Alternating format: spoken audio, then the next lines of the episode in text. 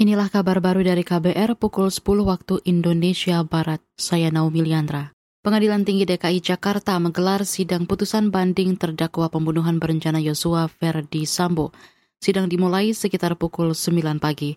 Sidang putusan dibuka oleh Ketua Majelis Hakim Singgih Budi Prakoso. Demi keadilan berdasarkan ketuhanan Yang Maha Esa, Pengadilan Tinggi DKI Jakarta yang mengadili perkara pidana dalam peradilan tingkat banding telah menjatuhkan putusan dalam perkara terdakwa nama lengkap Ferdi Sambo.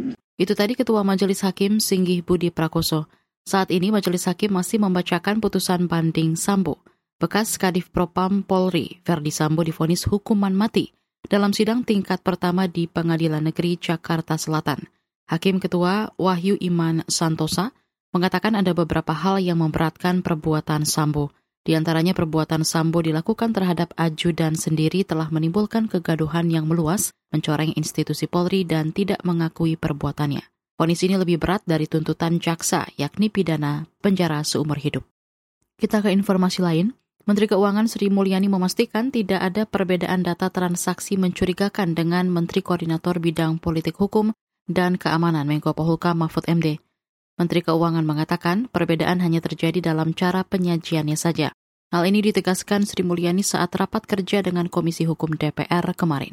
Tidak ada perbedaan data antara Menko Polhukam dengan Menteri Keuangan terkait transaksi agregat sebesar 349 triliun. Transaksi agregat 349 ini artinya ada transaksi yang bersifat debit, kredit, keluar, masuk yang mungkin kalau di dalam proses eh, untuk melihat akuntansinya bisa disebut sebagai double triple counting. Tapi ini semuanya dijumlahkan menjadi 349. Sumber dari data ini adalah dari PPATK. Menteri Keuangan Sri Mulyani menjelaskan hanya 3,3 triliun transaksi yang terkait langsung dengan pegawai kementeriannya. Sekitar 18,7 triliun berkaitan dengan korporasi yang terafiliasi dengan pegawai Kemenkeu, sedangkan 13 triliun merupakan data transaksi yang dikirim ke aparat penegak, penegak hukum APH.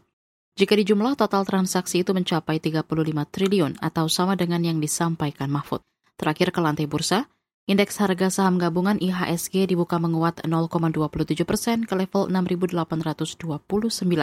Namun tak lama berselang, indeks justru merosot lebih dari 120 saham melemah, 190-an naik, dan 200-an lain stagnan.